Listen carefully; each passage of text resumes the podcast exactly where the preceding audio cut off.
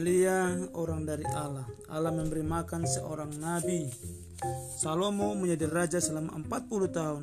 Kemudian dia menjadi tua lalu ia pun meninggal. Ada banyak raja lain setelah Salomo, tapi tidak pernah ada raja lain yang demikian kaya, demikian bijaksana seperti Salomo. Sebagian raja-raja itu jahat, mereka tidak melayani Allah. Mereka membuat berhala dari kayu, membuat berhala dari batu.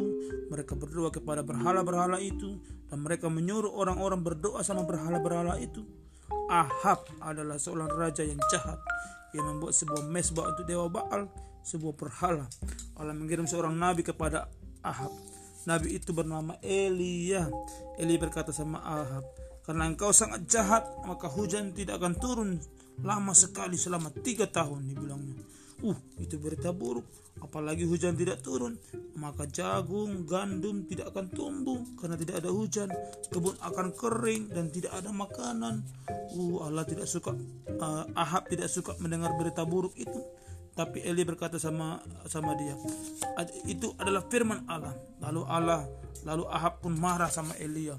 Allah menyuruh Elia bersembunyi dari Ahab. Elia pergi, Elia pergi ke sebuah sungai kecil di di luar kota. Di sana ia mendapatkan air untuk minum. Ia membuat sebuah tempat untuk tidur di tanah. Pagi hari ketika Elia terbangun, ia minum air dari sungai, tapi ia tidak punya makanan.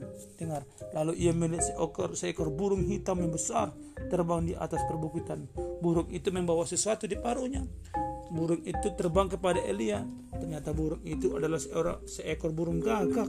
Burung gagak membawa dia roti dan daging di paruhnya.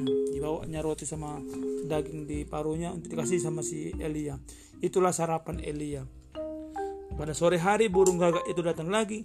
Burung itu membawa roti dan daging. Pagi berikutnya burung gagak itu datang lagi membawa sarapan nama Elia dan sore hari burung itu membawa makan malam. Tiap hari burung gagak itu membawa makanan untuk Elia dan karena Allah menyuruh burung gagak itu dan Elia minum air dari sungai kecil itu. Tapi beberapa lama sungai kecil itu pun kering. Lalu Elia tidak mendapat air lagi. Kita tidak dapat hidup tanpa air.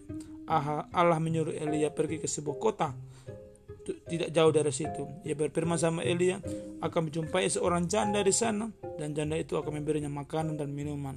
Amin.